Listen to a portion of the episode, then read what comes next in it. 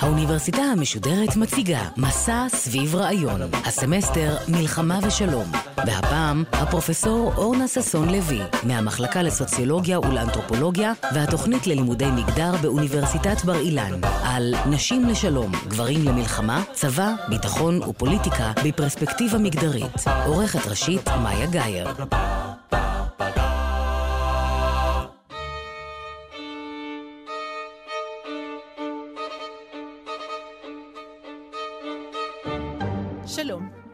ששון לוי, מהמחלקה לסוציולוגיה ולאנתרופולוגיה, ומהתוכנית ללימודי מגדר באוניברסיטת בר אילן. במחקריי, אני עוסקת במשך שנים ארוכות בקשרים המורכבים שבין צבא, מיליטריזם ומגדר. בהרצאה היום אני רוצה להרחיב את המבט עוד יותר ולבחון את הקשרים המורכבים, הסותרים והמבלבלים שבין מלחמה ושלום לבין מגדר. אני אשאל איך מלחמה ושלום מעצבים תפיסות של נשיות וגבריות, אבל גם מעוצבים דרכם. וברמה הקונקרטית יותר אני אבחן איך נשים וגברים מתייחסים למצבי מלחמה ושלום בכלל ובארץ בפרט. אני אפתח בהצגה של הטענה המסורתית. לפי המיליטריזם מיטיב עם גברים ופוגע בנשים, וכן שגברים הם לוחמניים, מטבעם אולי, ונשים שואפות לשלום. אלו הן טענות חזקות, ואני האמנתי בהן בכל ליבי, ובמשך שנים ארוכות הם היו בסיס לכתיבה שלי. אולם היום אני תופסת טענות אלה כבינאריות מדי, ואף פשטניות, ואני רוצה לתת מרקום נרחב גם לביקורת עליהן. כלומר, אני רוצה לטעון שיש נשים שמרוויחות ממיליטריזם, שהחלוקה בין תומכי המיליטריזם לתומכי גישות שמתנגדות למיליטריזם היא לא בהכרח מגדרית, אלא היא ניתנת להבנה ולפענוח רק דרך הצטלבויות של מגדר, מעמד, ובישראל גם השתייכות לאומית. אבל לפני שנתמקד בהקשרים המגדריים, נפתח בשאלה מהו מיליטריזם. רוב החוקרים מסתמכים על ההגדרה של מייקל מן, לפי החברה מיליטריסטית היא חברה שבה אלימות מאורגנת, מלחמה והכנות למלחמה נתפסות כפעולות חברתיות נורמליות. לכן הן גם נתפסות בתור הדרך הלגיטימית ואפילו הרצויה לפתרון בעיות פוליטיות ברמה הלאומית וביחסים בין מדינות. ישראל, טען פרופסור ברוך קימרלינג, זיכרונו לברכה, היא חברה מאופיינת במיליטריזם תרבותי, מכיוון שהחשיבה הצבאית, לפיה יש לפתור סכסוכים חיצוניים ופנימיים, בעיקר בדרכים כוחניות, מוסכמת על המוסדות החברתיים בישראל, על המרכז האזרחי כולו, ללא הבדלים מפלגתיים. הגדרה אחרת מציעה חוקרת סינתיה אנלו, שמעדיפה לדבר על מיליטריזציה כתהליך ולא כמצב סטטי. מיליטריזציה לגישתה היא התהליך שדרכו אנשים, גברים ונשים, וגם דברים כגון מפעלי נשק, אבל גם פחיות מזון משומר, אולפני קולנוע, הבורסה או סוכנויות פרסום, כל אלה נהיים מוגדרים ונשלטים על ידי הצבא, או תלויים להישרדותם באידיאולוגיה צבאית. עכשיו נחזור לשאלות על מגדר. הטענה המסורתית באשר ליחס בין מגדר למיליטריזם, הצביעה על הקשר העמוק בין מיליטריזם לבין תפיסות של גבריות. כל המדינות שאנחנו מכירים קמו דרך מלחמה. זו יכולה להיות מלחמה כלפי שליטים זרים, או מלחמת אזרחים, אבל תמיד דרך מלחמה. מכיוון שרק הגברים לחמו, הלאומיות עצמה כוננה כגברית. יתר על כן, סינתיה אין לו מסבירה שתפיסות לאומיות שהתפתחו בתהליך ההשתחררות של המדינות החדשות מהקולוניאליזם, הדגישו גבריות, מכיוון שהעם הנשלט תופס את מצבו כנשי, כחסר שליטה בגורלו, ואילו ההתקוממות והשגת העצמאות נתפסות כחזרה אל הגבריות, המסומלת כמובן על ידי שליטה ואוטונומיה. לכן הקשר בין לאומיות, מלחמה וגבריות הוא קשר הדדי. הגברים דמיינו ויצרו את הלאומיות בדמותם, והלאומיות מצידה כוננה זהויות גבריות חדשות.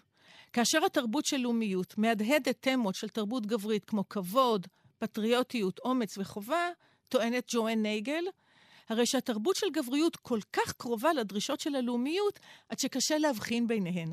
קשה להבחין בין ערכים גבריים לערכים לאומיים.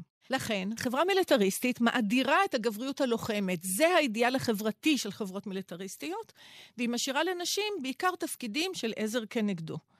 הצבא במיוחד הוא אתר אפקטיבי ללימוד של תהליכי ייצור של זהויות גבריות, שכן על ידי הגבלת תפקידי הלוחמה לגברים בלבד, הצבא מייצר ומשמר את הדימוי של הגבר כחזק, אמיץ, נעלה אפילו מבחינה מוסרית, כי הוא מוכן להקריב את עצמו כדי להגן על המדינה ואזרחיה. בו זמנית, חסימת תפקידי הלחימה בפני נשים, שהייתה נכונה בכל הצבאות עד ממש לא מזמן, בונה את הדימוי של האישה כחלשה וזקוקה להגנה יחד עם הילדים והזקנים. הקרביות מהווה אם כן מוקד מרכזי בהבניה של הזהות הגברית, ובעיקר בהצדקה של עליונות גברית. כך הצבא מעצב ומנציח תפיסות סטריאוטיפיות ודיכוטומיות של נשיות וגבריות. המיליטריזם נשען אם כן על ההדרה של גבריות לוחמת, וזאת כאמצעי מרכזי לגיוס של גברים צעירים לצבא, ותוך כדי כך הוא מעצים את אי השוויון המגדרי. גבריות לוחמת היא אם כן תוצר של מלחמות, אבל היא גם אחת הסיבות המובהקות ליציאה למלחמות. למשל, כשמנהיג מרגיש צורך להוכיח גבריות דרך יציאה למלחמה. ולכן מלחמה ממוגדרת או מוגדרת כגברית, גם כשנשים לוחמות וגם כשגברים רוצים ומצליחים להימנע משירות צבאי. מתוך התפיסה הבינארית של הגברים הלוחמים, המגינים על הנשים והילדים הנזקקים להגנה, המחקר בתחום הזה התמקד בעיקר בנשים כקורבנות של מלחמות. דוחות מחקר שונים טוענים היום שנשים וילדים הם הנפגעים העיקריים של כל מלחמה. כך למשל דוח המחקר של יוניפם משנת 2002, שנערך על ידי אליזבת רן ואלן ג'ונסון סירליף, מסביר שמכיוון שלנשים אין את הזכויות הפוליטיות, המשאבים והשליטה שיש לגברים, הן חוות מלחמות באופן שונה מגברים. בנוסף, האחריות של נשים על ילדים וחולים במשפחה מגבילה את יכולתן להגן על עצמן או לברוח. גברים ונשים לכן נהרגו במיתות שונות, עונו והותקפו בדרכים שונות. נכון שיותר גברים נהרגים במלחמות, אבל הנשים בדרך כלל חוות אלימות, הריון כפוי, חטיפה, התעללות מינית ועבדות מינית. הגוף שלהן, חולה באיידס שהודבק להן בכוונה או בהיריון מאונס, משמש כמעטפה כדי לשלוח מסר לאויב או מהאויב. המקרה הקיצוני מתבטא בתופעה של אונס כשיטת לחימה. הספרות המחקרית מראה כי התופעה של אונס במלחמה מתקיימת בכל מקום. אפריקה, אסיה, אמריקה הצפונית, אמריקה הדרומית, מזרח התיכון ואירופה. רק לשם דוגמה, כוחות פקיסטנים אנסו 200 אלף נשים בנגלדשיות במהלך תשעה חודשים של הקונפליקט האלים ב-1971. במלחמת האזרחים ברואנדה דיווחו רופאים מהארגון רופאים ללא גבולות כי כל אישה וכל נערה שלא נטבחה, נאנסה. במהלך המלחמה ביוגוסלביה לשעבר, הראו העדויות כי האונס ההמוני היה שיטתי. לא מקרי, לא אד-הוק, אלא מתוכנן מראש ומנוהל. האונס ההמוני נועד להשפיל את הקבוצה האחרת, ובעיקר לגרום לה לעזוב את האזור. בשנת 1992 בלבד נאנסו כ-20 אלף נשים וילדות מוסלמיות בוסניות. עד הפסקת האש בסוף 1995, בין 30 אלף ל-50 אלף נשים משלוש הקהילות, קרואטיות, בוסניות וסרביות, נאנסו.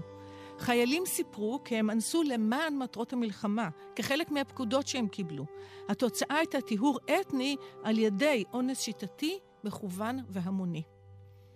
מיליטריזם פוגע בנשים בדרכים נוספות, גם אם פחות קונקרטיות. ראשית, בחברות מיליטריסטיות האזרח הטוב הוא הגבר המשרת בשירות קרבי, הוא מוכן להקריב את חייו למען המדינה. תפיסת אזרחות זו מובנית, אם כן, על פי אורח חייו של הגבר, ומדירה את הנשים לשוליים של האזרחות. מכיוון שנשים היו מודרות עד לא מזמן מתפקידי לחימה, הן לא נתפסו כשותפות במחויבות האולטימטיבית למדינה, ולא יכלו לממש את אזרחותן באותה רמה כמו האזרח הטוב. הקשר ההדוק בין שירות צבאי לאזרחות מייצר אם כן היררכיה בין אזרחות של גברים לבין אזרחותן של נשים, שנתפסת כמשנית לזו של הגברים הלוחמים. הנשים, וזה חשוב לזכור, אינן מודרות מהתחום הציבורי או מהשיח הביטחוני, אלא הן משולבות בו כשונות ופחותות מהגברים.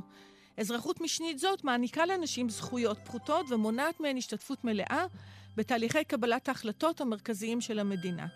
כך אורן ברק וגבי שפר למשל, מהמחלקה למדע המדינה באוניברסיטה העברית, טוענים שבישראל התפתחה רשת ביטחונית בלתי פורמלית, שכוללת קציני צבא בכירים ופוליטיקאים ואנשי ממשל, ששולטים באופן בלעדי בקבלת ההחלטות בתחום הביטחון.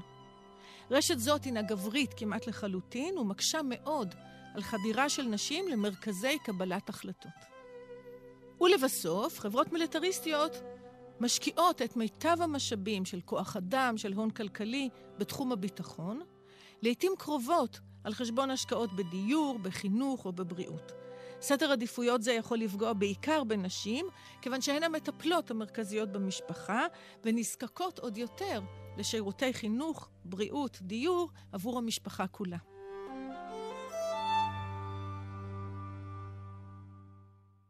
מתוך ההבנה של ההשלכות המוגדרות של מלחמה ומיליטריזם, ושל הפגיעה של מלחמות בנשים, התפתחה תפיסה אנטי-מלחמתית של נשים. לאורך השנים קמו לא מעט תנועות נשים לשלום. חלק מהתנועות טענו כי נשים מגדלות ילדים, נותנות חיים, ולכן הן לא יכולות לתמוך במלחמות שלוקחות חיים. תפיסה די מהותנית של מהי נשיות כמובן. תנועות אחרות טענו באופן מפורש שבמלחמה יש משום דיכוי של נשים, ושלום הוא תנאי לשוויון מגדרי. כך למשל טענה פעילת שלום ב-1914 במהלך מלחמת העולם הראשונה. היא אמרה, במדינה הצבאית אין מקום לאישה. נקודת הראות הצבאית סותמת את האישה, שוללת ממנה כל תפקיד מעשי מלבד לידת ילדים. כל עוד החשיבה הצבאית שולטת, אין סיכוי לנשים בחברה. שנה לאחר מכן, ב-1915, באמצע מלחמת העולם הראשונה, התקיים בהאג כנס בינלאומי של תנועות נשים לשלום. הן קראו למנהיגים של כל הצדדים לחפש דרכים מדיניות לפתרון הסכסוך. בכנס השתתפו 1,136 שליחות מ-12 מדינות, כולל ארצות הברית, כל מדינות אירופה הניטרליות, אבל גם גרמניה, אוסטריה, הונגריה ובלגיה. הנשים שהשתתפו בכנס תבעו להשמיע את קולן גם בזמן המלחמה. הן קראו לכל הממשלות המעורבות לפתוח במשא ומתן לשלום, שהתבסס על זכות ההגדרה העצמית לעמים והכרה בזכויות המיעוטים. המנהיגות של תנועות הנשים לשלום שילמו על כך מחירים כבדים כשקריירות אקדמיות נקטעו ומוניטין ציבורי הלך לאיבוד. אבל התיקון היה ב-1931, כשהמנהיגה הבלתי מעורערת שלהן, ג'יין אדמס, קיבלה את פרס נובל לשלום. התופעה של תנועות נשים לשלום נמשכת מאז מלחמת העולם הראשונה ועד ימינו. כך למשל, תנועת האימהות מכיכר מאי בארגנטינה תנועה שמחתה בסוף שנות ה-70 נגד ההיעלמות, במרכאות, למעשה החטיפה של ילדיהן, ודרשו לקבל מידע על יקיריהן שנעלמו, ומאוחר יותר דרשו להעמיד לדין את הגנרלים. או תנועת הנשים שהביאה לסוף מלחמת האזרחים בליבריה בשנת 2003, אשר מנהיגתה, אלן ג'ונסון סירליף, עליה דיברנו מוקדם יותר, לא רק קיבלה את פרס נובל לשלום, אלא כיהנה כנשיאת ליבריה מ-2006 ועד 2018. ובארץ אנחנו מכירות את תנועת אמהות נגד שתיקה, אחריה כמובן ארבע אמהות, שיש הטוענים שהיה להן תפקיד משמעותי ביותר בזירוז היציאה של כוחות צה"ל מלבנון בשנת 2000, אחרי 18 שנים. אם כך, לתפיסה הזאת, לפיה הגברים הם הלוחמים, והנשים הן או קורבנות של הלחימה, או פעילות בתנועות שלום, יש הרבה כוח שכנוע. ובכל זאת, זאת גישה שמעלה כמה וכמה בעיות. ראשית, זאת גישה בינארית, שמניחה הבדלים נוקשים ויציבים בין גברים ונשים כשתי קבוצות אחידות ושונות מאוד זו מזו. יתר על כן, הגישה עושה סוג של אידיאליזציה של נשים, כשהיא מציגה אותן או כקורבנות ומוחלשות תמיד, ובכל מקרה היא משאירה אותן מחוץ למשחק ומחוץ לקבלת ההחלטות הגורליות.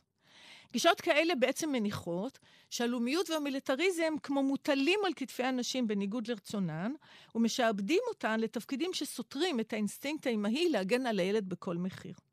התיאוריות רואות באימהות אם כך מעין קורבנות של הלאומיות ושל התפקיד שהיא מטילה עליהן. יתר על כן, הגישה בעייתית תיאורטית, כי היא מנציחה תפיסות מהותניות של נשיות ושל גבריות, והיא בעייתית מבחינה אמפירית כי היא לא מתאימה להבנת היחס בין נשים, גברים ומלחמה בעידן הנוכחי. כדי למתוח ביקורת על הטענה המסורתית, הכרחי להבין שנשים אינן מהוות קבוצה אחידה, ויש להשתמש לכן בגישת המיקומים המוצלבים, כדי להבין את המורכבות של היחס בין נשים שונות לבין מיליטריזם.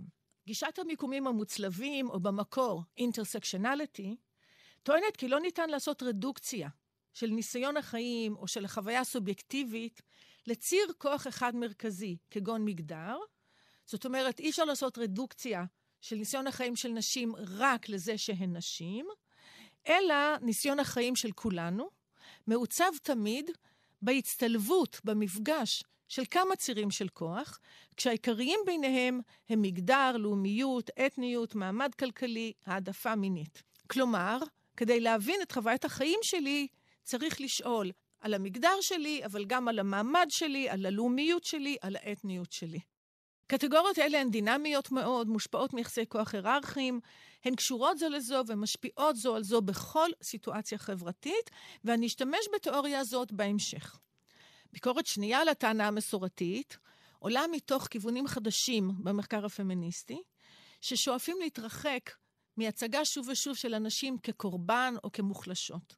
במקום זה, המחקר היום מתמקד בחיפוש אחר מקורות כוח של נשים ובאיתור דרכי התנגדות של נשים כנגד המבנה הדכאני.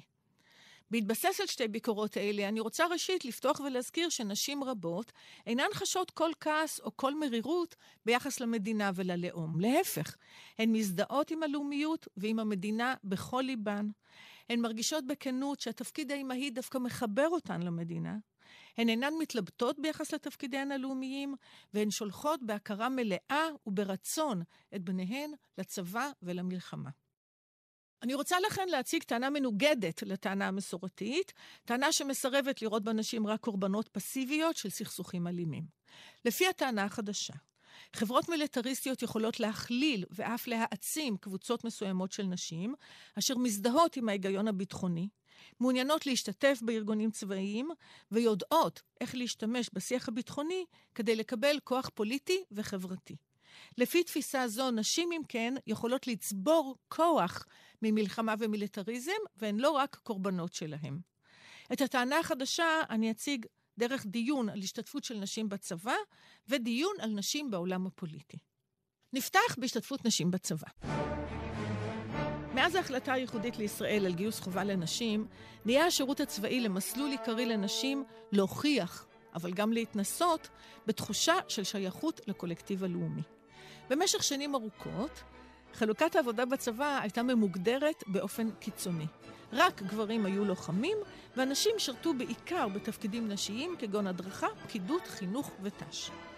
אולם מאמצע שנות התשעים, המשטר המגדרי של הצבא בישראל עבר שינויים משמעותיים. בעקבות בג"ץ אליס מילר, 1995, נפתחה בפני נשים לא רק האפשרות לשרת בקורס טיס, אלא גם האפשרות להשתלב במספר מקצועות לחימה לא קטן, כולל במשמר הגבול, בתותחנים ועוד. מערך חיל הנשים פורק, ובמקומו הוקם מטה קטן של היוהל"ן, יועצת הרמטכ"ל לענייני נשים, שהיום נקרא יוהל"ם, יועצת הרמטכ"ל לענייני מגדר. בסיסי טירונות, קורסים מקצועיים והכשרות הקצונה אוחדו מגדרית, כלומר נשים וגברים עושים אותם ביחד היום. מספר הנשים המשרתות בתפקידי פקידות ומנהלה צומצם, וחלק מהתהליכים הארגוניים של מיון ושיבוץ עברו גם הם איחוד מגדרי. זאת השפה של הצבא. ובנוסף, ואולי אפילו בעיקר, מאז שנת 2000 הוקמו ארבעה גדודי חי"ר קל מעורבים, בהם חיילים וחיילות משרתים ביחד, גדודים השומרים על הגבולות עם ירדן ועם מצרים. אם כן, לא ניתן עוד לחקור את הצבא הישראלי על בסיס ההנחה שכל הנשים ממוקמות בו באופן אחיד, נגיד כפקידות, שלעומתן כל הגברים ממוקמים במקומות יוקרתיים, נגיד בלחימה. תהליכים דומים של פתיחה הולכת וגוברת של תפקידי לחימה בפני נשים מתרחשים היום במרבית הצבאות המערביים. בארצות הברית, בדצמבר 2015, הכריז מי שהיה אז שר הביטחון, אשטון קרטר, על פתיחת כל התפקידים בצבא האמריקאי בפני נשים. ובאנגליה הוחלט והוכרז על מדיניות דומה ב-25 לאוקטובר 2018, ממש לא מזמן. העלייה ההדרגתית של השתתפות נשים בצבאות, מערביים בעיקר, ושילובן בתפקידים שהיו עד כה מוגדרים לגברים בלבד, נבעו מהשיח הער בנושאים של זכויות אדם, של שוויון מגדרי, כמו מצרכים בירוקרטיים של כוח אדם שקיימים בכל הצבאות היום. הדגמה מעניינת לתהליך הזה בישראל, ובמיוחד לתפיסה שהצבא הוא המסלול העיקרי להשתלבות של נשים באזרחות, היא הנהירה בשנים האחרונות ממש של נערות דתיות לצבא. בחמש השנים האחרונות עלה שיעור הבנות הדתיות המתגייסות לצבא מכ-500 בשנה לכ-2,000 בשנה ואף יותר. הנערות הדתיות מתגייסות כמעט תמיד בתמיכת המשפחה, אבל בניגוד ברור להוראות מפורשות של מורים ורבנים, שאוסרים על שירות צבאי של בנות, מחשש שהן יתפשרו בנושאי צניעות, או יעזבו בכלל את אורח החיים הדתי בעקבות שירותן הצבאי. למרות הדגש על שילוב נשים בצבא, מבט חוזר מגלה כי הצבא עדיין רחוק מלהוות ארגון שוויוני. יתר על כן, גם במקומות החדשים שנפתחו בפני נשים, מעמדן איננו יציב ובטוח. השינויים במעמדן של נשים נתקלים בהתנגדויות ובכוחות המאיימים לבלום את ההתקדמות. בעיקר, שילוב הנשים בתפקידי לחימה נתקל בהתנגדות נמרצת של רבני הציונות הדתית. אתם יודעים מה זה להיכנס לטנק עם בת? מה, מה, מה המשמעות? המקום הוא מאוד קטן, וכשנמצאים במקום כזה קטן, ארבעה אנשים, ואחד אחד זה בחורה, או שתיים זה בחורות, איזה תת אנושיות זאת. אז מה, יש שם בתי יולדות בצה"ל? לטענת הרבנים, שירות משותף של נשים וגברים לא מאפשר לחיילים הדתיים לשמור על כללי הצניעות, ולכן מקשה עליהם לשרת בכלל יחידות השדה. התנגדות הרבנים הביאה להקמת ועדה שקבעה כללים לשילוב הראוי בשנת 2002, וקיבעה תנאים של הפרדה מגדרית ביחידות מעורבות, אשר אפשרו לחיילים דתיים לשרת ביחידות של גברים בלבד. אלא שגם כללי השילוב הראוי נתפסו כפשרה בעיני חלק מרבני הציונות הדתית, שהביעו עניין גובר והולך באפשרות שחיילים ישרתו ביחידות שדה שלא יהיו בהן נשים כלל, גם לא כמדריכות או כפקידות. כתגובה לכאוס המגדרי שנוצר שוב, הקים הצבא בשנת 2007 את ועדת שגב, במטרה למסד מדיניות סדורה ביחס לשירות הנשים. על הוועדה הופעלו לחצים להמליץ על הוצאת נשים מתפקידי לחימה ולהחזיר את ההפרדה המגדרית הקודמת. ההתנגדות לשירות מעורב של נשים וגברים עברה אף מדיון עקרוני לרמה של האשמות אישיות ואף למרדף אישי ומקצועי. התנגדות זאת הייתה חלק מבקלש, כלומר גל של נסיגה משוויון מגדרי, אשר מבקש לשמר את הצבא כארגון מעצב גבריות. גם היום אנחנו רואים תהליך מובהק של backlash, בדיוק במקום שבו נשים מתחזקות. למשל, השיעורים שמעבירים הרבנים במכינת עלי, כפי שאלו נחשפו בתקשורת, המציגים באור מגחיך ומעליב את הנשים המשרתות בתפקידי לחימה. מגייסים לנו אותם לצבא, הם נכנסות יהודיות, הם לא יהודיות בקצה. כל מערכת הערכים שלהם תשתבש, ישגעו את כולם. או פעולותו של ארגון אחים לנשק, המפיץ חומרים שונים נגד נשים בצבא. כל אלה פועלים לחזור ולמסד הפרדות מגדריות נוקשות בשם הדת או בשם היעילות המבצעית של הצבא. כך גם היום, הנשים המשרתות בתפקידי לחימה או בתפקידים פורצי דרך אחרים, נאלצות להתמודד כל הזמן עם דעת קהל עוינת מחוץ לצבא ועם עוינות בתוך הצבא עצמו. וכך לשירות הצבאי של נשים בישראל יש משמעות כפולה. מחד, הוא מאפשר לנשים להשתלב בתחום הציבורי של אזרחות, הוא מאפשר להן לתרום לביטחון הלאומי, ובה בעת חלוקות העבודה הצבאיות, התרבות השוביניסטית בתוך הצבא, וההתנגדויות לשילוב המגדרי, משעתקות את חלוקת העבודה המגדרית ההיררכית ומשמרות תפיסות מסורתיות של נשיות. ההזדהות של נשים עם מיליטריזם איננה מוגבלת לשירות הצבאי, ואני רוצה לבחון כאן עכשיו את הזירה הפוליטית. בעשור האחרון היינו עדים להתגבשותה של קבוצת חברות כנסת חזקות, שמקבלות את כוחן מהחזקה והפצה של עמדות פוליטיות לוחמניות. אם בעבר החברות המעטות בכנסת היו בעיקר במפלגות המרכז ושמאלה, הרי שב-15 השנים האחרונות עלה מספר הנשים בכנסת, מתשע נשים בכנסת של 1999 ועד 35 נשים בכנסת הנוכחית, כשרבות מהן ממפלגת הליכוד, הבית היהודי וישראל ביתנו. ההקשר הרחב שמסביר את ההצלחה של אותן חברות כנסת, הוא שהן חברות בממשלה ובקואליציה המורכבת לראשונה על טהרת מפלגות ימניות. אולם התופעה המעניינת היא שלראשונה מפלגות ימניות נותנות כוח משמעותי לנשים. הנשים מצידן הבינו שהצטרפות למחנה הלאומי ואימוץ אידיאולוגיה מיליטריסטית יכולות לתת להן כוח פוליטי. אם נבחן את פועלן הפרלמנטרי של פוליטיקאיות, דוגמת שרת המשפטים איילת שקד, שרת התרבות מירי רגב, השרה לשוויון חברתי גילה גמליאל, וכן חברות הכנסת שולי מועלם, נאוה בוקר וענת ברקו, נגלה שהן ורבות אחרות מקדמות אידיאולוגיה מיליטריסטית, שמסייעת בידן לצבור לא רק יוקרה, אלא כוח פוליטי ממשי. נשים אלה בוודאי אינן רואות את עצמן כקורבנות של המיליטריזם, אלא הן מקדמות אותו ומחזקות אותו באופן מודע וצלול. חשוב לומר שהשינוי בתפיסות המגדריות בהקשרים מיליטריסטיים לא מופיע אצל נשים בלבד. הוא רחב בהרבה ונוגע גם לגברים ותפיסות של גבריות. הכנסת נשים לתפקידי לחימה והקמת גדודים לוחמים מעורבים מערערת על הבלעדיות של גברים בהגדרת הלחימה.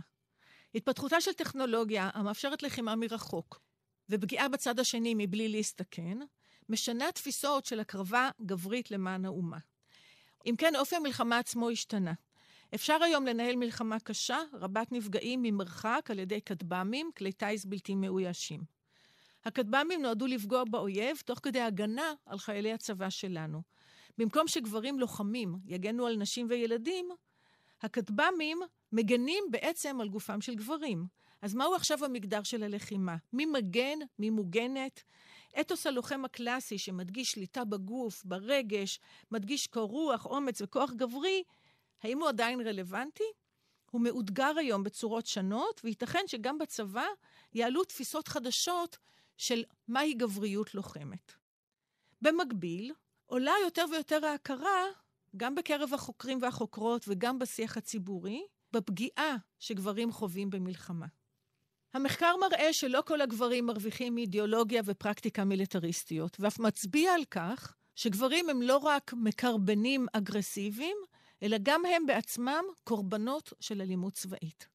בישראל אין עדיין שיח ציבורי שבוחן את הפגיעות הפיזיות והנפשיות של גברים במלחמות, ואין מיסוד מספק של טיפול בהשלכות הנפשיות של השתתפות גברים בלחימה. כך או כך, לשינויים האפשריים בקשר בין גבריות ולחימה, יהיו בוודאי גם השלכות על הקשר בין נשים ולחימה. לאור כל זאת, אי אפשר להסתכל היום על הקשר בין מגדר, שלום ומלחמה כקשר בינארי, אלא יש לחזור ולהשתמש בגישת המיקומים המוצלבים, אינטרסקשנליטי, ולשאול כל פעם מחדש על איזו קבוצה של נשים אנחנו מדברות, ועל איזו קבוצה של גברים. כשנסתכל על ישראל, נראה שנשים מקבוצות מוחלשות, ובמיוחד נשים מקבוצות לא יהודיות, פגיעות יותר לנזק שגורמות מלחמות, שגורמת אידיאולוגיה מיליטריסטית וגורמים מוסדות מיליטריסטיים. ובנוסף, גם נשים יהודיות, במיוחד מהמעמד הנמוך, יכולות למצוא את עצמן בשולי הצבא, בשוליו של שוק העבודה ובשוליה של המערכת הפוליטית, בגלל שההיגיון של הביטחון מעצים גברים יהודיים באופן לא פרופורציונלי בכל תחומי החיים האלה. חשוב להדגיש, ביטחון ומיליטריזם אינם תמיד ממוגדרים, והמונופול של הביטחון על המרחב האזרחי בישראל משמר את ההגמוניה הגברית-יהודית והודף את הנשים בחזרה לתפקידים מסורתיים בשולי שוק העבודה או בתחום הפרטי. בה בעת, קבוצות אחרות של נשים, ובמיוחד נשים יהודיות מהמעמד הבינוני, יכולות להרוויח מההטבות, לכאורה, של המיליטריזם. כפי שהראיתי, בשני העשורים האחרונים הצבא פתח תפקידים יוקרתיים בפני נשים, והמערכת הפוליטית אפשרה כוח פוליטי משמעותי ביותר לנשים המחזיקות באידיאולוגיה מיליטריסטית. בתוך תמונה מורכבת זאת, יש נשים שיכולות לצבור כוח ולהתמקם בעמדות כוח בתוך השיח המיליטריסטי ולהשתתף בו באופן פעיל. הן אינן מקבלות את המיליטריזם באופן פסיבי, הן אינן משועבדות לו או מעוצבות על ידו, אלא הן בוחרות באופן מודע ואקטיבי איך לפעול במסגרתו. כלומר, נשים מקבוצות הגמוניות או דומיננטיות יכולות למנף את המיליטריזם והמלחמה כדי לצבור כוח, בזמן שנשים מקבוצות מוחלשות ממשיכות להיות הקבוצה שסובלת בעיקר מפגיעת המלחמות.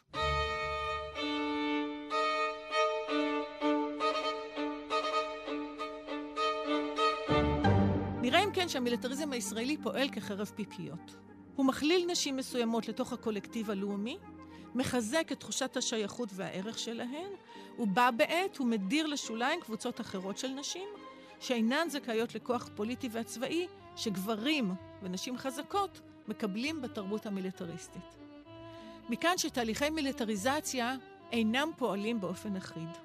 הם אינם מעצבים יחסי מגדר קוהרנטיים, ואין לראות אותם כישות מונוליטית המעוצבת מלמעלה למטה, כלומר מהמדינה אל האזרחים והאזרחיות. אלא כפי שמדינות מתבססות על הסדרים מגדריים מרובים, המשתנים לפי המיקום המוצלב של קבוצות שונות של נשים, כך גם לתהליכי מיליטריזציה יש השלכות שונות, מגוונות, על קבוצות שונות של נשים.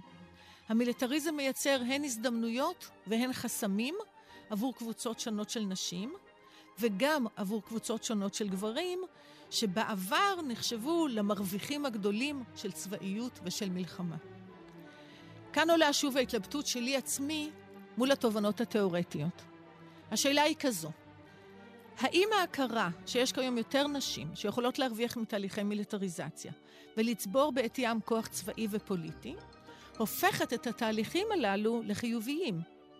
אם המיליטריזם מייצר לא רק חסמים, אלא גם הזדמנויות לקידום ולכוח עבור קבוצות מסוימות של נשים, אז ראוי לקדם ולעודד מיליטריזם? מפרספקטיבה מגדרית, התשובה שלי היא שלילית. צריך לזכור שמבנה העומק של מיליטריזם מבוסס על האדרה של גבריות ועל היררכיה ברורה בין גבריות לבין נשיות. לכן, גם אם המיליטריזם מחזק ומקדם קבוצות מסוימות של נשים, הוא לא יכול להבטיח שוויון מגדרי כללי בחברה. מערכת שהיא מיליטריסטית ביסודה לא יכולה להציע שוויון מגדרי, ולכן גם הנראות הבולטת היום של נשים במערכת הצבאית, במערכת הפוליטית, איננה מבשרת, לצערי, על מהפכה מגדרית.